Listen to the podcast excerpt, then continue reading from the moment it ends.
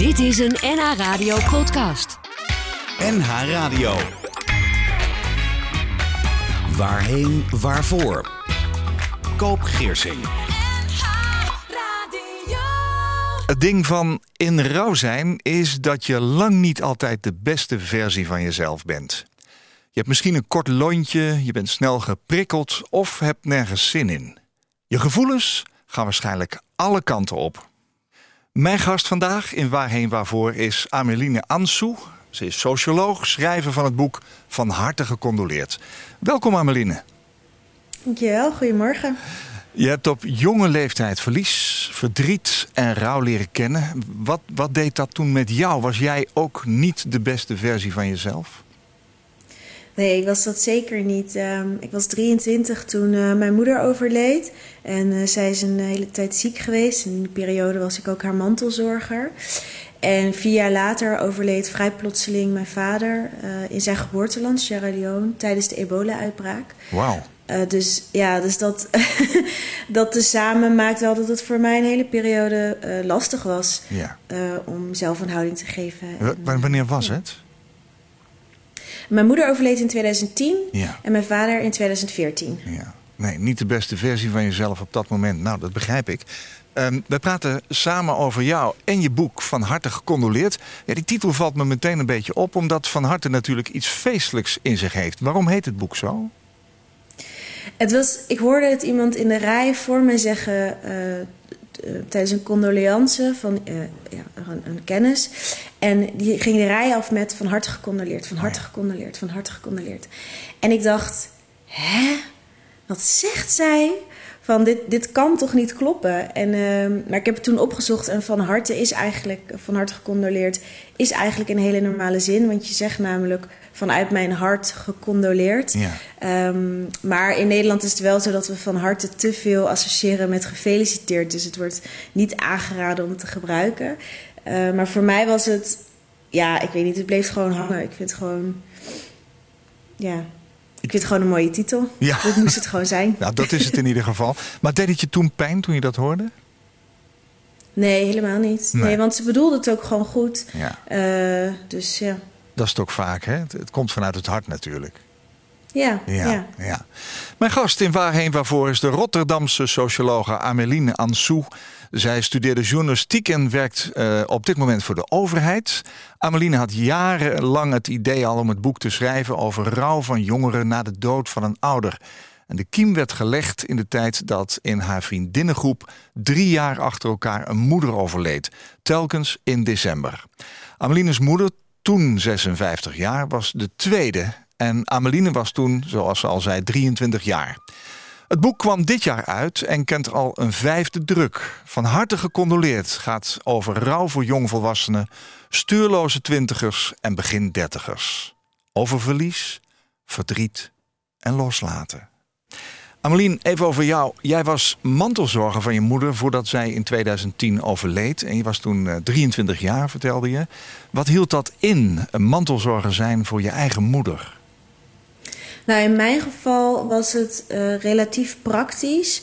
Eh, dus ik zorgde voor het huishouden ehm, en nam op een gegeven moment ook ja, financiële administratie over.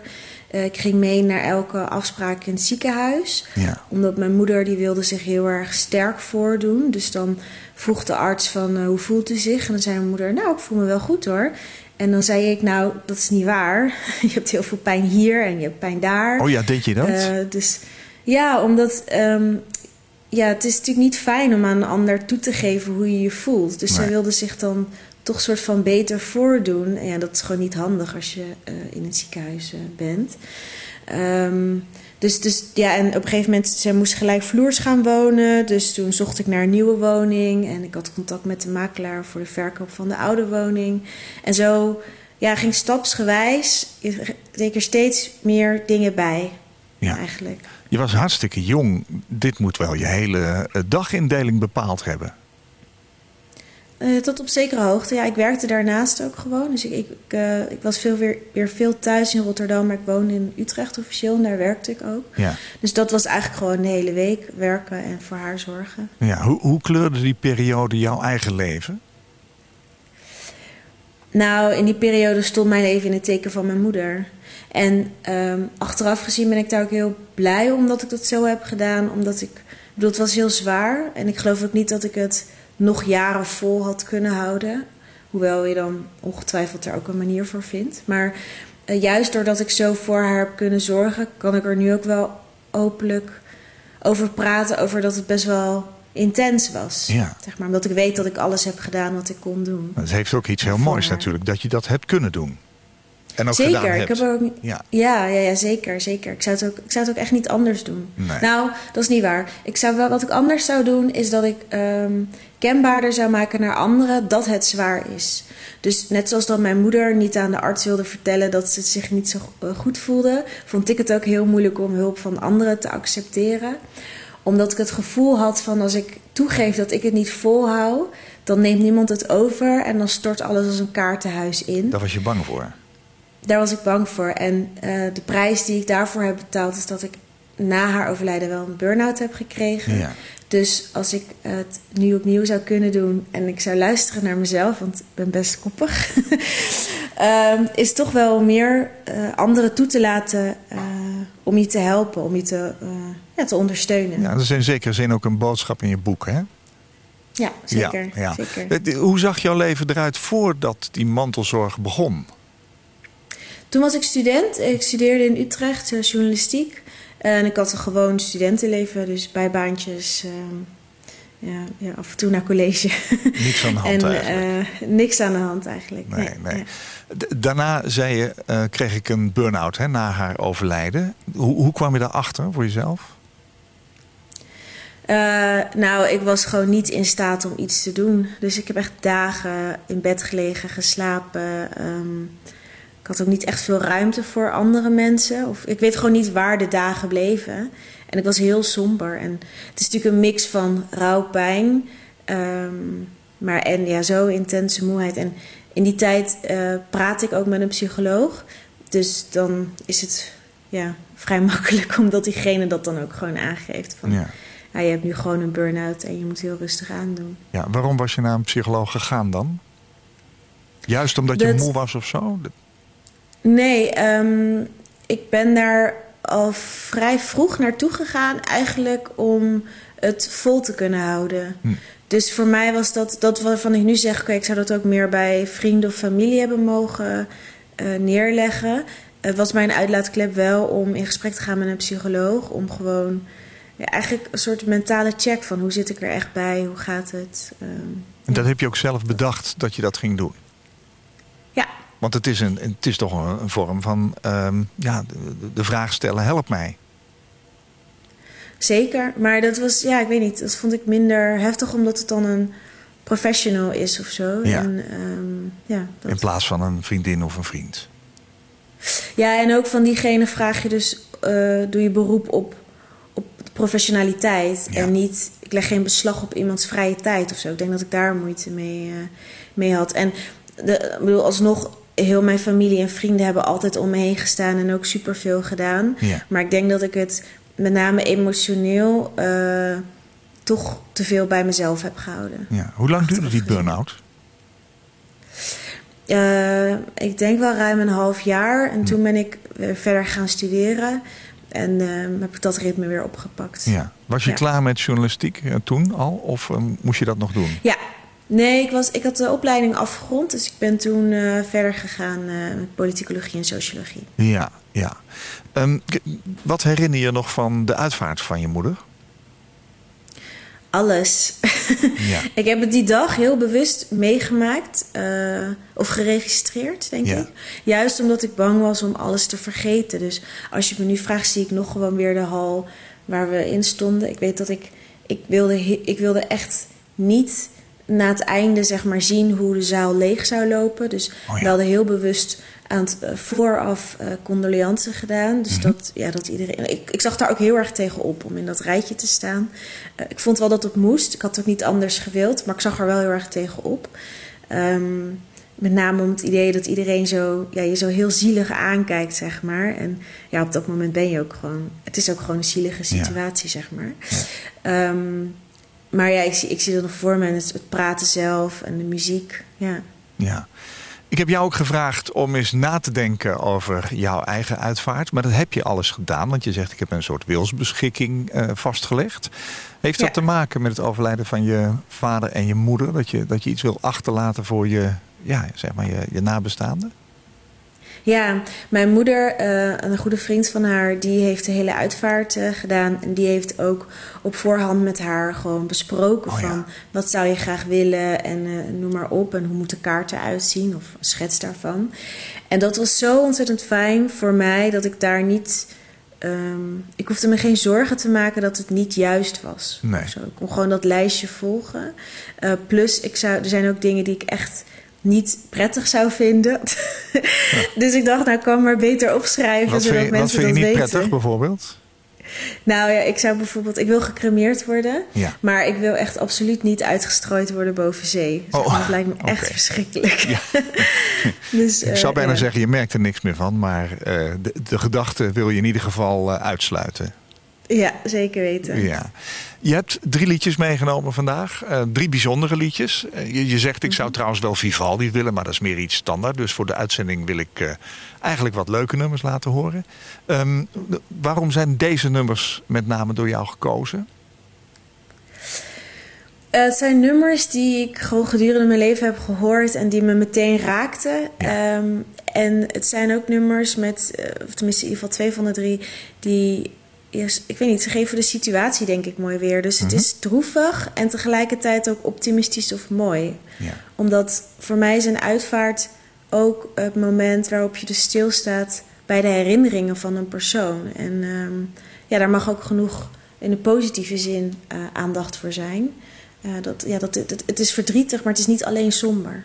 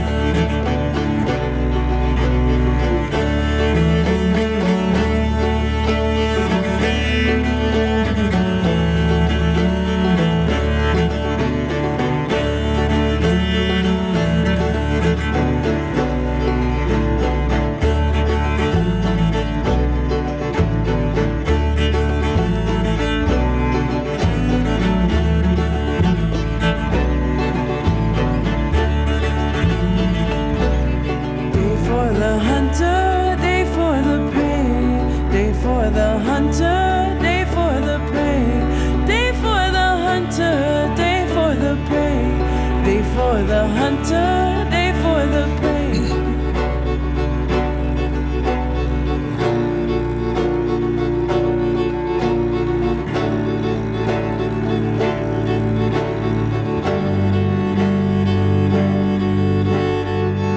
Leila McKella. A Day for the Hunter, A Day for the Prey, geïnspireerd op het gelijknamige boek van Gage Averill over de vermenging van muziek, macht en politiek in Haiti.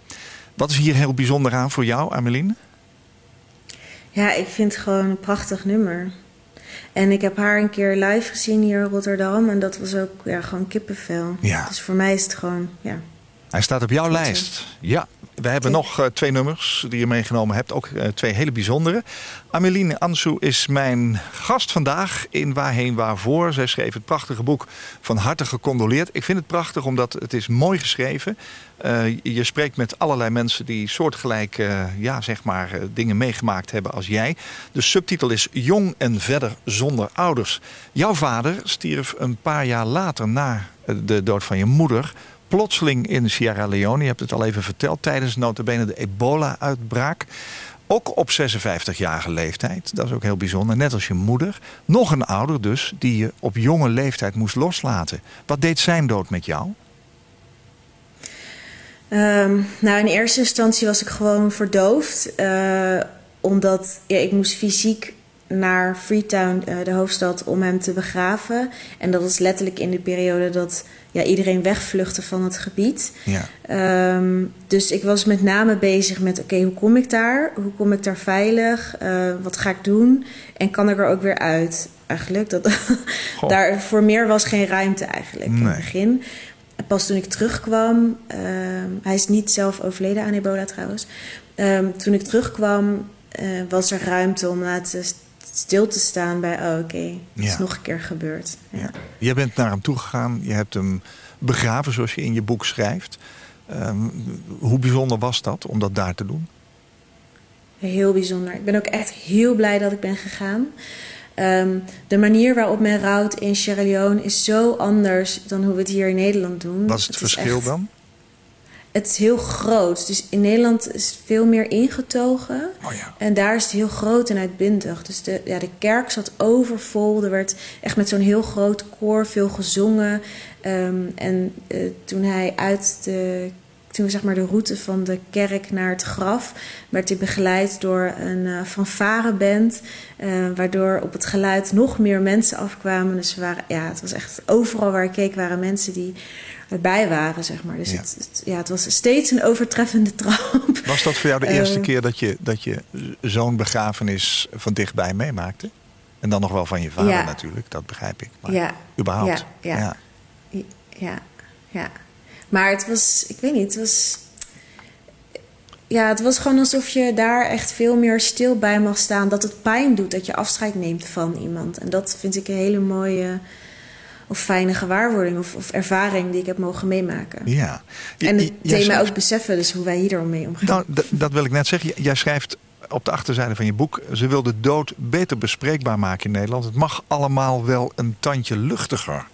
Nou, dat is eh, bijna een beetje een gevaarlijke uitspraak in Nederland. Omdat we natuurlijk inderdaad een volk zijn... wat ook wel wat ingetogen omgaat met dit thema. Eh, dood is ook taboe, denk ik. Hè? Ik maak dat in mijn dagelijkse praktijk als uitvaartverzorger mee. Maar dat vind jij ook. Zeker. En het is met name eh, juist door het voeren van al die gesprekken met, eh, met mensen die net als ik jong boven de kist van hun vader of moeder hebben gestaan, dat ik me realiseerde hoe lastig wij als, als land dat vinden. En ik merk zelf dat ja, we praten er best veel over. En ook omdat mijn moeder ziek is geweest. Dus het was, ja, ergens wist iedereen wel dat dit eraan zat te komen. Jij en je familie, Ehm, ja. Ja, en deels ook omdat ik dan eh, mijn vaders cultuur heb meegekregen. Dus ik was me daar zelf niet zo van bewust. Maar in de gesprekken kwam met name naar voren dat mensen zeiden... ik heb mijn eigen verdriet op een gegeven moment wel een plek gegeven... maar het valt me op dat mijn omgeving er zo krampachtig mee omgaat. Oh ja, Ehm, ja. En dat ik me ook realiseer dat we in Nederland... ja, we leren gewoon niet om om te gaan met de dood. Of Nee. dat dat gewoon onderdeel is van het leven. En daardoor heb ik het idee dat mensen snel in de kramp schieten... en bang zijn om het verkeerde te doen. En als reactie dan niks zeggen of wegkijken... of ja, er niet over beginnen. Ja. En dat geldt gelukkig natuurlijk lang niet voor iedereen... maar wel voor te veel mensen. Dus Ja. vandaar Ja. dat mijn missie ja, de dood beter bespreekbaar maken. Jij herkende ook die reacties van de mensen die jij sprak voor dit boek. Je hebt dat zelf ook meegemaakt en gevoeld. Eh, dat Eh, eh, dat mensen praten er niet over de over kunnen dood. praten? Ja, precies. Of er niet over praten, juist. Eh, nou ja, in mijn geval viel dat op zich mee. Dus, dus het, ik heb die gesprekken met name gevoerd omdat ik dacht... ik wil een boek schrijven waarin iedereen zich kan herkennen. Ja. En ook, ja, zeg maar, erkenning en herkenning. En ook, ja, inderdaad, dat het wat luchtiger wel mag. Dus ja, het is een heel zwaar onderwerp, maar het hoeft niet... Ja, het, het wil niet per se betekenen dat je de hele dag eh, somber bent of eh, depressief of Nee, weet ik veel nee, wat. nee. Je zegt zelf ook, je, je Ehm. kunt best praten over rouw... zonder dat je meteen drie dagen uitgeteld depressief op de bank hangt... of de ander de afgrond intrekt. Ja. Maar ja, hoe ga jij daar nu mee om dan? Want jij bent al vroeg oud geworden, bij wijze van spreken. Hè? Ja, ehm, nou, Of het wijs, afgelopen jaar. Dus. eh, ja, Dat is een de- het, afgelopen, het afgelopen jaar ehm, merk ik dat het schrijven en erover praten eh, mij veel meer heeft gedaan dan wat ik op voorhand had eh, kunnen bedenken. En dat ik het ook heel fijn vind, hè? ook zeg maar, ja, om hier dan in het programma bij aan te schrijven. Het is Ja. gewoon fijn dat je weer ruimte ook krijgt om stil te staan van, oh ja, hoe gaat het eigenlijk met mij? Hoe, hoe was dat ook alweer? Ja. Ehm, en met name dus die erkenning van, ja, het was een groot verlies of het is een groot verlies. En daar mag, nog steeds, daar mag ik nog steeds aandacht voor vragen. Ja. Jouw boek heet Van harte gecondoleerd. En daarvoor sprak je, zoals ik zei, met eh, meer dan twintig jonge mensen... van wie de vader, moeder of juist allebei de ouders zijn overleden. Jij bent daar eentje van eigenlijk, hè, maar jij bent de gespreksleider geweest. Hoe liepen die gesprekken? Hoe kwam je aan die mensen en, en hoe, hoe reageerden ze op je verzoek? Nou, ik, ja, ik kwam schrikbarend makkelijk aan iedereen. Dat was echt wel een beetje eng. Beschikbaar makkelijk, ja. Ja, ja, had ik niet verwacht. Nee. Ehm, ik vond het ook best spannend om mensen te vragen. Want een deel kende ik, heel veel was via via en ook soms via een oproep. Ehm, maar ik realiseerde me ook dat mensen het, nou ja, net als wat ik van mezelf ook aangaf. Mensen vinden het ook heel fijn dat ze gewoon van A tot Z hun verhaal mogen doen. Ja. Eh, en dus erkenning krijgen. En ehm, ja, dus dat, dat, dat is eigenlijk hoe, hoe ik aan die mensen ben gekomen. Ja. Kun jij nog herinneren hoe jij zelf over de dood dacht en sprak... voordat eh, zeg maar je moeder ziek werd en jij mantelzorger van haar werd? Ging je er zelf toen makkelijker mee om? Misschien wel dan gemiddeld? Of was je zelf ook... eh, nou, zat het bij jou ook in de taboesfeer? Liever niet over praten, want dat is allemaal maar verdrietig. Ik denk een beetje van allebei. Ja. Eh, mijn moeder is wel, toen ik jonger was, ziek geweest. En Mhm. daar eh, is ze van hersteld. Dus in mijn achterhoofd wist ik altijd, ze zal niet oud worden. Ehm, dus indirect was ik altijd wel ergens op voorbereid. Maar ik had het er niet per se over. Maar Ja. het was niet... Ja, ik was er wel mee bezig in die zin. Ik denk dat ik... Ja, ik bedoel, je bent dan ook puber, hè? En dan is sowieso alles lastig. Ja, begrijp dus ik. als ik, als ik kijk naar hoe ik destijds was voor anderen bij wie iemand was overleden, ik denk dat ik eh, ja, net iets meer dan gemiddeld er misschien wel mee bezig was. Maar of dat genoeg was voor wat diegene op dat moment nodig had, durf ik niet te zeggen. Nee. Ehm, en in alle eerlijkheid, ik bedoel, nu, ik praat heel vaak over de dood met mensen. ehm, en mensen vertellen hun verhalen. Maar als iemand in één minuut even een samenvatting geeft van wat er is gebeurd, dan sta ik vaak ook nog steeds bij mijn mond vol tanden en Oh. denk ik: Oh, ik weet echt niet wat ik moet zeggen. Nee. En dat is denk ik ook een beetje mijn boodschap aan, aan de rest van Nederland. Van ja, het is ook nogal wat. Het is ook helemaal niet raar dat je het moeilijk vindt om erover te praten. Nee. Ehm, maar wegkijken is dan geen optie. Nee. Ik merk eh, toch wel regelmatig dat mensen die zelf in het proces en het overlijden van vader of moeder of broer of zus of kind zelfs eh, zijn, zijn meegegroeid. Want soms is dat een proces van een tijd. Ehm, nou zeg maar, degene die om hen heen staan eh, troosten.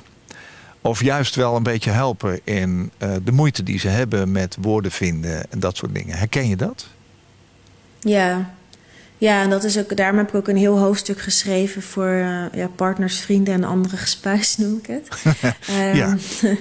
ook met name om, ook voor erkenning. Want ik had destijds een partner en ja, ik, bedoel, ik was niet de beste versie van mezelf. Dus om daar dan mee samen te wonen, ja, het vraagt ook nogal wat. Ja, en ja. ik denk dat partners zich heel snel wegcijferen. Ehm, ja, wat ook volgens mij niet, per se anders kan. Maar ik vind wel dat er erkenning voor mag zijn. Van, voor hen is het ook ontzettend zwaar. Je weet niet waar je instapt. Je weet niet hoe lang het duurt. Je weet niet Nee. wat er van je wordt verwacht. Nee.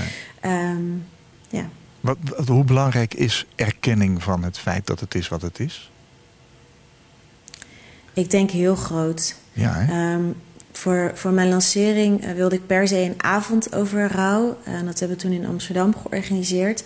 En op voorhand zeiden ze nou, doe maar een kleinere zaal. En eh, ja, het is toch wel een, eh, een niche onderwerp. Oh ja. En uiteindelijk zaten er meer dan 200 mensen en was het uitverkocht. En waren er zelfs op ticketswap mensen die tickets zochten. En ik stond daar en toen dacht ik echt, zie je wel. Ja. Al deze mensen willen hier ook over praten. En die erkenning, ja, dat is dat, dat voor ons allemaal, zeg Ja. maar. Van, oh ja, ik ben niet de enige. Want dat is een beetje wat erbij komt kijken. hè. Dat je, als je niet leert om erover te praten, dan...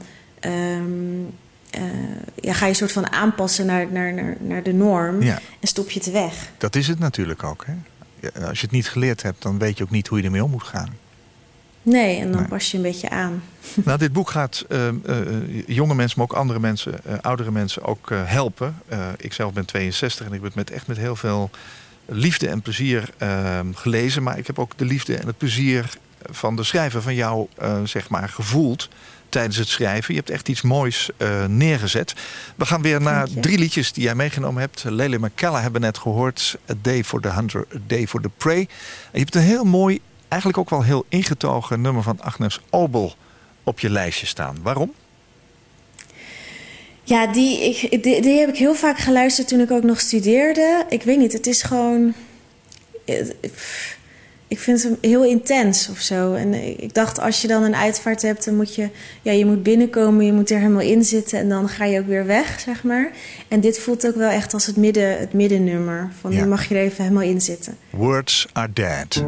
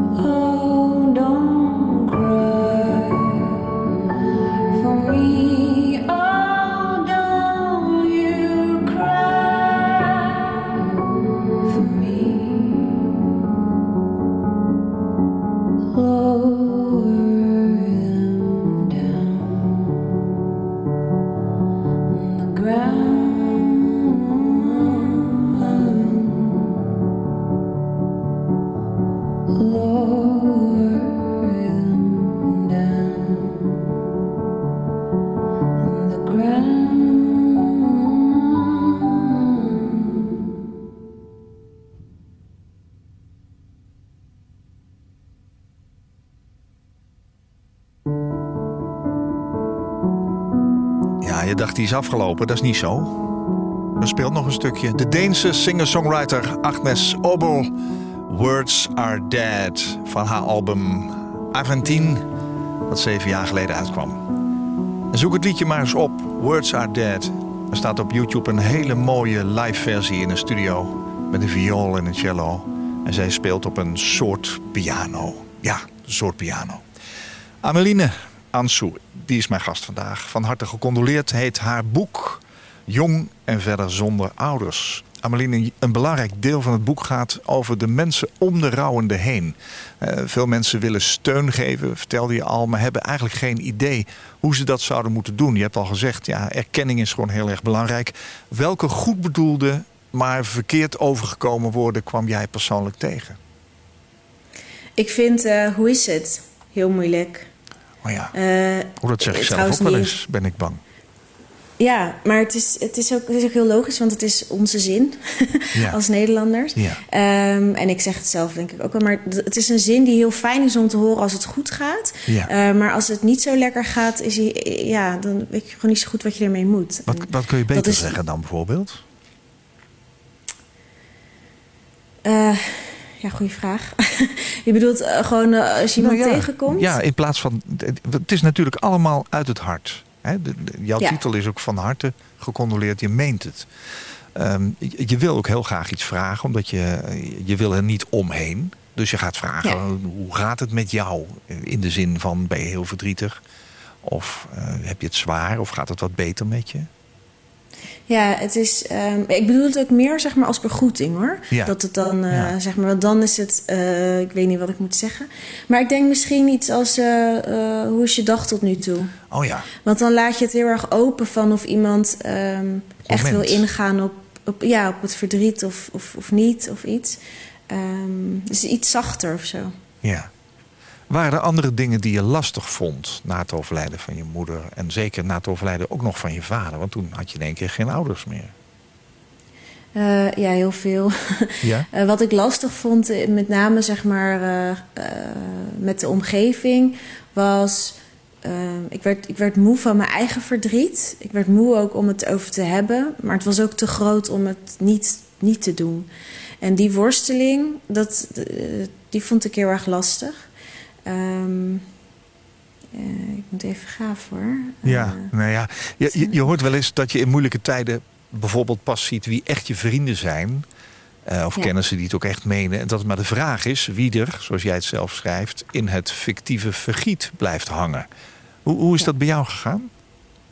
Nou, ik heb wat dat betreft echt geluk gehad. Of geluk, ik weet niet, ik heb gewoon goede vrienden en familie. Ja. Bij mij is bijna iedereen in dat vergiet blijven zitten. Ja. Ehm, en, maar dat vond ik wel heel confronterend om te merken in de gesprekken met anderen. Dat dat echt lang niet voor iedereen geldt.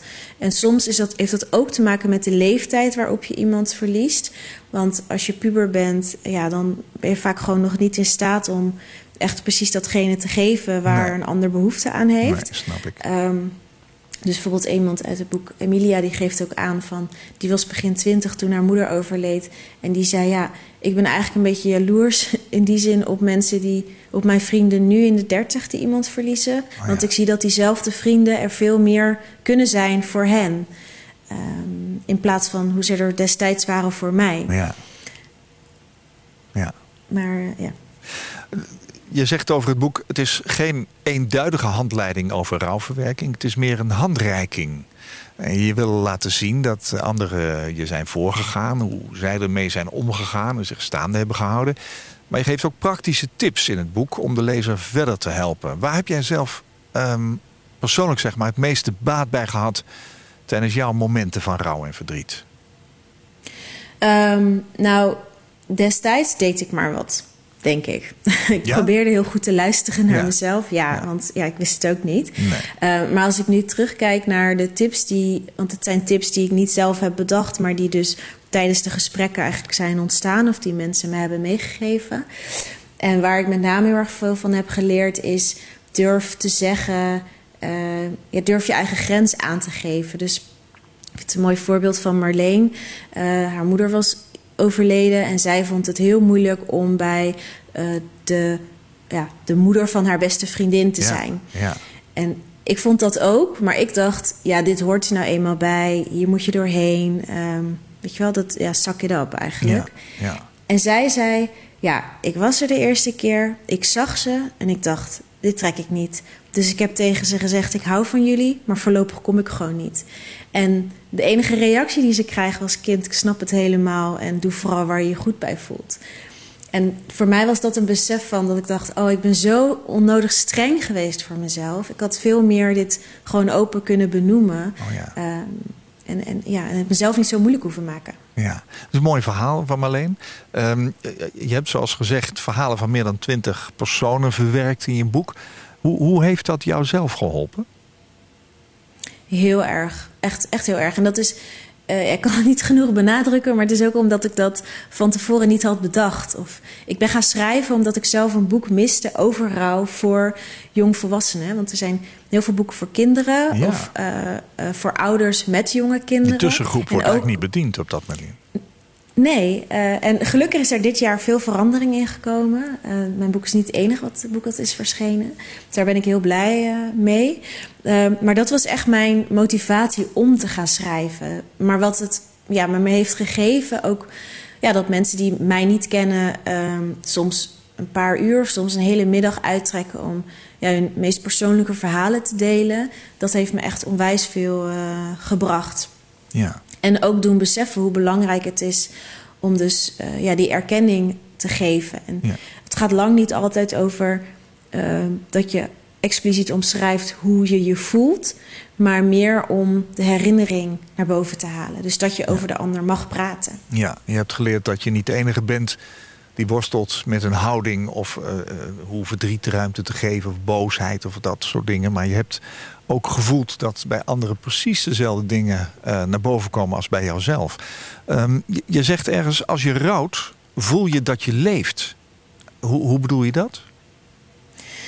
Nou, mijn eh, ja, Julia Samuel, dat is een beetje nou, een, iemand die heel veel goede boeken heeft geschreven over Ja, rouw. ja. Die geeft aan dat als je zeg maar, eh, we hebben de neiging om de pijn niet te voelen, dus om je daarvoor af te stoten. Maar het, het gevolg daarvan is dat je echt de vreugde ook niet meer kunt voelen. En dat was iets wat ik zelf echt niet wilde. Dus ik dacht, ik wil niet, ik wil de vreugde blijven voelen. Ja. En dan moet ik dan dus ook echt de pijn voelen. En dat is voor mij wel een teken van eh, ja, dat je echt leeft, zeg maar. Je- Ja. Ik, ik sta nu ook anders in het leven. Ik ben me bewuster van wat ik belangrijk vind, waar ik aandacht aan wil geven of niet. Ja. En ik zeg soms ook wel eens gekscherend van... ja, ik denk dat, dat mensen die jong zoiets heftigs hebben meegemaakt... niet zo snel een midlife crisis zullen meemaken. Omdat je gewoon al op jongere leeftijd nadenkt over... ja, wat vind ik nou belangrijk in het leven? Ja, je bent er als het ware rijker uitgekomen. Ja, hoewel ik dat eh, ook weer niet wil zeggen. Omdat we in Nederland best wel een... eh, ja, what doesn't kill you makes you stronger. Weet je, dat je dus ergens iets aan moet hebben. Terwijl, en dat heeft eh, eigenlijk de afgelopen periode me heel erg geleerd... doordat anderen dat hebben gezegd. Van waarom mag het niet gewoon even vervelend zijn? Ja. Je hoeft er niet per se beter van te worden. Nee, oké, dat begrijp ik. Ja. Ehm, je vader was een uitbundige begrafenis. Hoe gaat jouw eigen uitvaart er wat dat betreft uitzien? Ga je, ga je dat uitbundige van je vader meenemen? Eh, ik denk iets meer ingetogen, want het zou wel in Nederland zijn. Ik denk dat iedereen zich rot schrikt als ik met een grote fanfareband aankom zetten. Nee hoor, dat kan. Eh, ja, maar ehm, ik denk een beetje een middenweg. Ik, eh, ik zou sowieso daarna wel gewoon in een mooie ruimte iedereen ook gewoon de kans willen geven om mooie herinneringen op te halen. Ja, ja. We gaan het derde liedje van jouw lijstje draaien. Agnes Obel hebben we net gehoord. Leila Makala begonnen we mee. Dit is een, een Nigeriaanse zangeres, een songwriter. Eh, ze is ook actrice en activiste. Yemi Alade, samen met eh, Sele Bobo. En we gaan luisteren naar Nagode. Waarom? Ja, omdat het voor mij voelt het ook echt als het nummer aan het einde. Dat het weer wat luchtiger wordt en ook ja, dat je dus dankbaar mag zijn. And oh, oh, Papa, thank you. Oluwa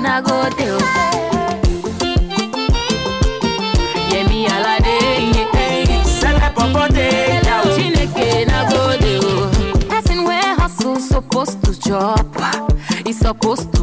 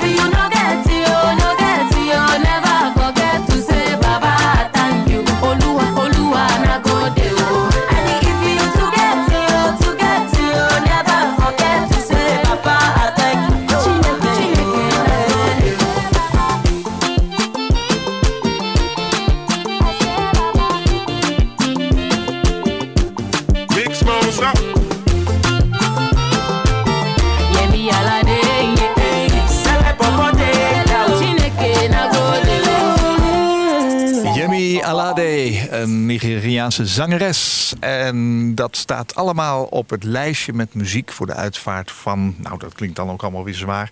Ameline Ansou. maar ja, Ameline, jij, jij gaat er eigenlijk een beetje voor... dat we het allemaal wat luchtiger en bespreekbaarder moeten maken. Hè? Het is een prachtig, vrolijk nummer. Ik, heb het nog nooit, eh, eh, ik had het nog nooit gehoord, eerlijk gezegd. Hoe ben jij eraan gekomen?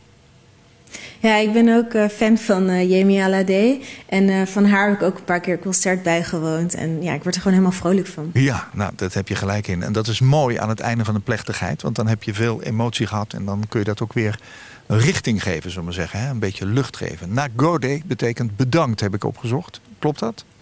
Oké, Zeker, ja. gelukkig. Voor in jouw boek, van harte gecondoleerd heet het, staat... Life is in front of you, no need to look back again. Victory can be claimed while you're still battling. De overwinning is er terwijl je nog aan het vechten bent. Ehm, waarom staat dit voor in je boek? Omdat dit een zin is die heel lang mijn motto is geweest. Ehm, omdat het toch wel voelt alsof je veel onrecht wordt aangedaan.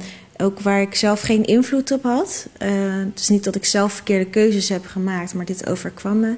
En ik realiseerde me dat ik, ja, nou ja, eigenlijk wat, wat Kammen dan eh, ook zegt: van eh, ja, je, je mag dan ook al die overwinning wel vieren. Ja, En daarbij stilstaan. Of Ja. wederom erkenning aan geven. ja. het is dus ook een, een stuk tekst wat heel erg op jou van toepassing is. Zeker. Ja. Het boek eh, stond acht jaar op jouw bucketlist. Nou, gefeliciteerd. Vijfde druk eh, heb ik in ieder geval hier. Misschien is er al een zesde in de maak, dat weet ik niet. Je teert nog even, zeg je zelf, op het slagen daarvan. Heb je meer plannen voor boeken? Want je bent eh, toch wel een behoorlijk specialist geworden of zo. Of doe je lezingen over dit onderwerp?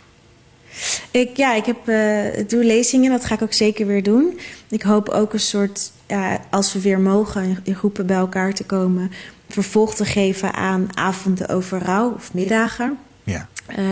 Dus specifiek ik ben voor jonge zeker niet klaar. Nee, nee, nee, nee, Nee? heel breed. Gewoon voor mensen met, eh, eh, in rouw. Ehm, daar was ik mee begonnen, maar goed, ja. Helaas mogen natuurlijk nu niet meer in grote groepen bij elkaar komen. Helaas niet. Dus ik ben zeker nog niet klaar met het onderwerp. Nee. Nee, nee, dat begrijp ik.